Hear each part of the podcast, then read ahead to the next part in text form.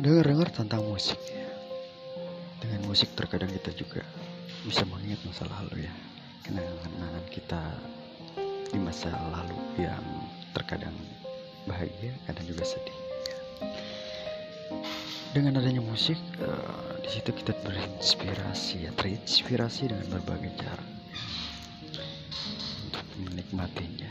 Maka dengan adanya ini, saya akan membuat suatu lagu-lagu yang semoga dengan adanya lagu ini kalian bisa mengenang masa-masa lalu kalian. Terima kasih.